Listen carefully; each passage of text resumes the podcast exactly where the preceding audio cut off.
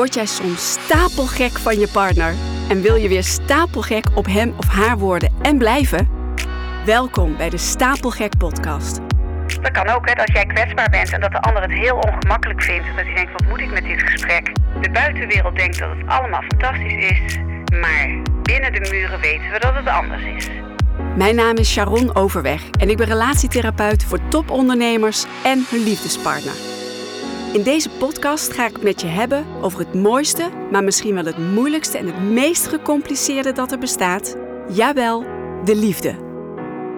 Nou, vandaag gaan we eens even lekker de vuile was buiten hangen. Ja, zeker. Maar voordat we dat gaan doen, kom ik heel even terug op de vorige podcastaflevering, aflevering 53. Die gaat over zegels plakken. En uh, ik kreeg daar een vraag over af, uh, afgelopen week van... joh, je had het over mentale last. Wat bedoel je daar eigenlijk mee? Nou, dat heb, daar ben ik inderdaad wat te snel overheen gestapt. Ik had een telefoongesprek met iemand die ervaarde heel veel mental load, mentale last. En dat legde ik daarin niet uit. Dus dat ga ik nu even doen. En ik heb het even opgezocht. Wat is de betekenis van mentale last? Nou, mentale last is een ander woord voor alle zorgtaken en taken in en rondom het huis. Misschien herken je dat wel. Staat er ook zo bij, hè? ik citeer. Vrouwen nemen regelmatig tot wel een uur per dag extra niet werkgerelateerde taken op zich wanneer er kinderen komen. Wow. Nou, en die hele mentale last, ja, wat is dat? Het is bijvoorbeeld, zij legde dat ook uit, dat zij in appgroepen zit van de klassen van de kinderen waarin allemaal taken worden verdeeld, hulp wordt gevraagd, wanneer er uitnodigingen uh, worden gecommuniceerd voor de ouderavonden, dat moet ingepland worden. Nou, al dat geregeld, dat gedoe, ja, dat is mentale last. Dat neemt ruimte in. Dat neemt ruimte in in je brein. Dat kost allemaal energie. Nou, en had zij het gevoel dat die mentale last, dat zij dat op haar schouders droeg. Dus ja, misschien herken je dat ook wel dat jij, uh, ja, is dat bij jullie ook niet in balans? Dat je denkt, nou, hè, die mentale last, alles wat er geregeld moet worden rondom het huis, rondom de kinderen, rondom school. Hoe, dat, dat is best wel heftig. En dat is het ook. Dat is gewoon heel veel. Dus dat is heel mooi als jullie dat samen een beetje verdelen. Afijn, heb je die podcast niet geluisterd de afgelopen, de vorige? Doe dat even, nummertje 53. Goed, en dan gaan we het nu hebben over de vuile was de vuile was buiten hangen. Ik weet niet uh, welke boodschappen jij mee hebt gekregen vanuit huis, maar bij ons was het thuis heel duidelijk. Je hangt de vuile was niet buiten. Dat doe je niet, nooit, never. Oftewel, de buitenwereld denkt dat het allemaal fantastisch is, maar binnen de muren weten we dat het anders is. Ja, herken je dat? Kreeg jij dat ook mee vanuit huis? En wat vind jij daarvan? Ik vind daar wel wat van. Want dat betekent dat je dus niet kwetsbaar mag zijn. Je moet een soort van voor de bühne een mooi plaatje laten zien en vertellen. Terwijl dat aan de binnenkant misschien wel heel anders is. Ja, want je hebt het over vuile was. Dus ik denk ook dat iedereen wel vuile was heeft. Ja, ik geloof niet dat dat bijdraagt aan een diepe verbinding met je relaties. Dus met je vrienden, met je familie, met kennissen. Nu hoef je niet overal en iedereen de vuile was buiten te hangen. Dat ook weer niet.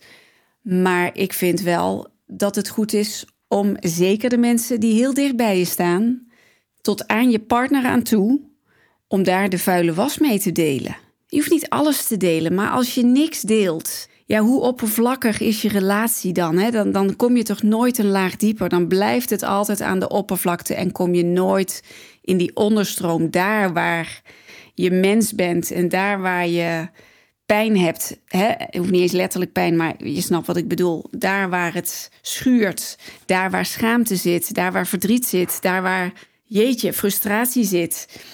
Hè? En ik, ik ben het daar gewoon niet mee eens om die vuile was nooit buiten te hangen.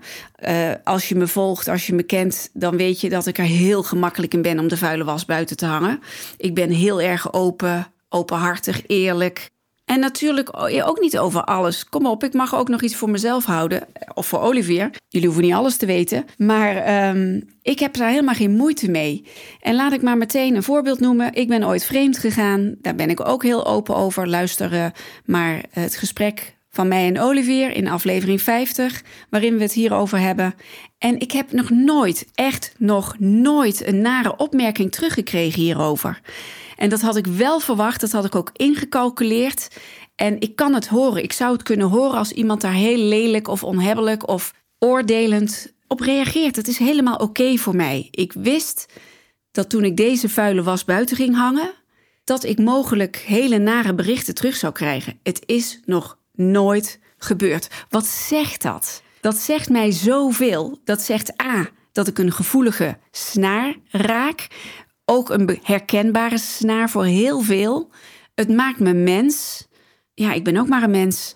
Weet je, je kwetsbaarheid tonen, dat kan alleen maar mooie dingen opleveren. Echt waar. Ik geloof daar echt aan. En we leven al in een wereld die voor de buitenwereld, als ik kijk naar TikTok en Instagram en Facebook en het moet allemaal perfect zijn. Het moet allemaal uh, prachtig zijn, uh, perfect. Maar dat is gewoon niet eenmaal zo. En als jij je kwetsbaar opstelt, dan kan de ander, dat is eigenlijk, nodig je de ander uit om dat ook naar jou terug te zijn. Het werkt als een boemerang. Weet je, een boemerang, wat gebeurt er als je een boemerang gooit? Die gooi je en die komt weer terug.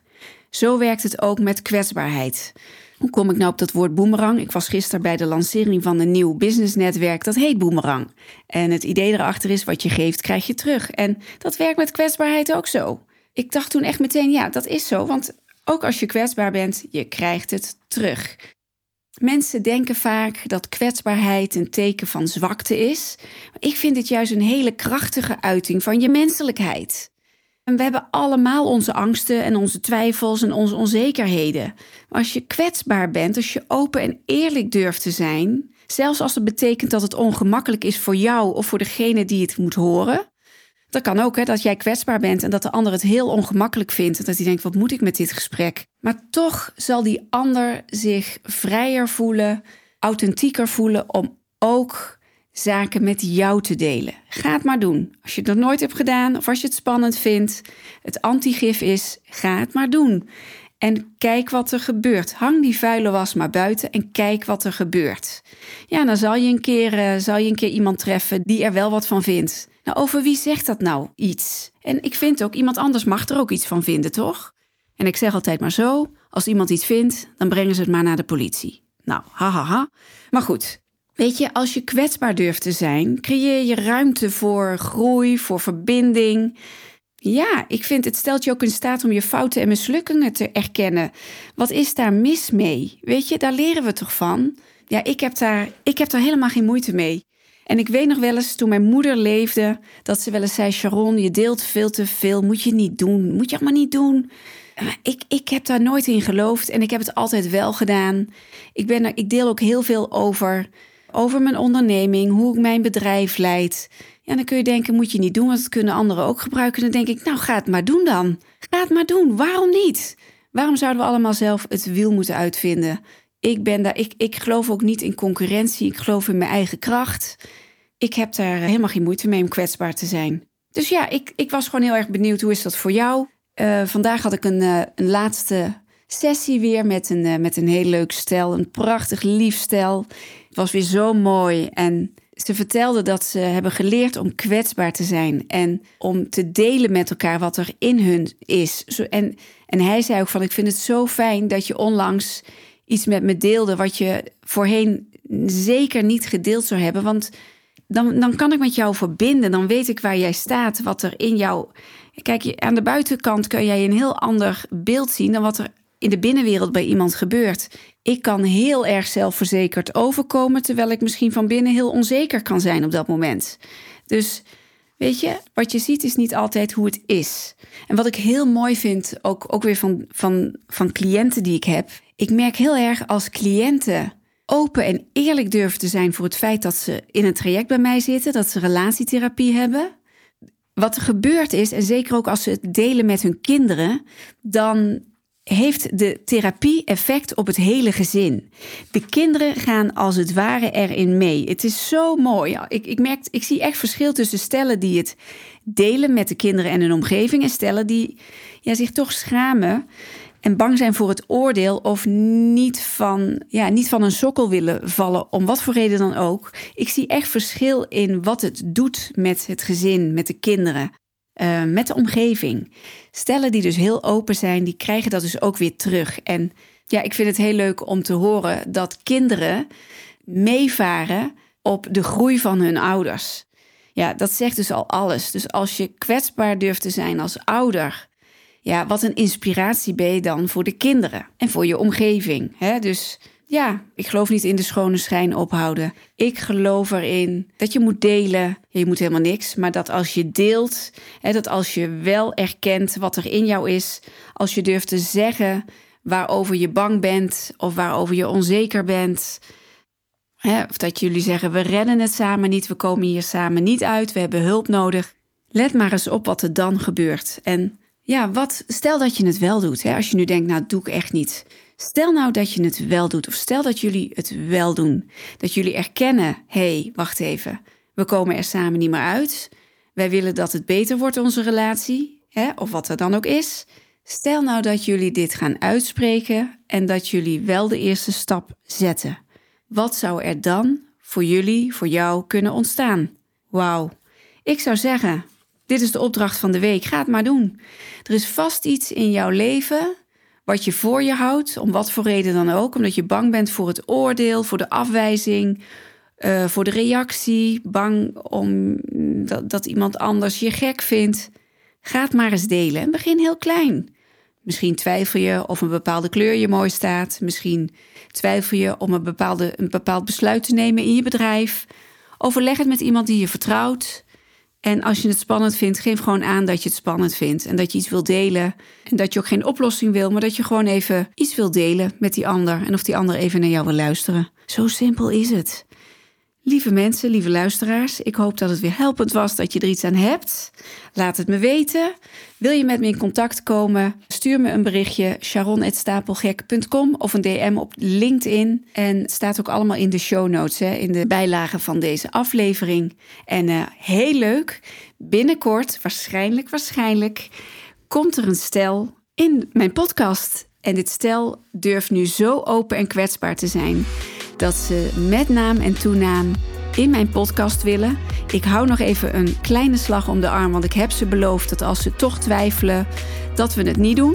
Zij hebben hierin de regie, maar we gaan het wel opnemen overmorgen en ik heb daar heel, heel, heel veel zin in. Ik ben heel erg benieuwd, vooral voor jullie, uh, hoe jullie daarop reageren. Kijk, ik kan wel vertellen hoe fantastisch mijn traject Vitamine Liefde is. Hoe geweldig mooi mijn eendaagse couple retreat is. Maar hoe mooi is het als stellen het zeggen die het hebben gedaan? Nou, zij zijn de eerste die het durven, die echt met naam en toenaam een review schrijven en in mijn podcast willen. Dus, uh, nou ja, wie weet horen jullie hem volgende week al. Bye bye!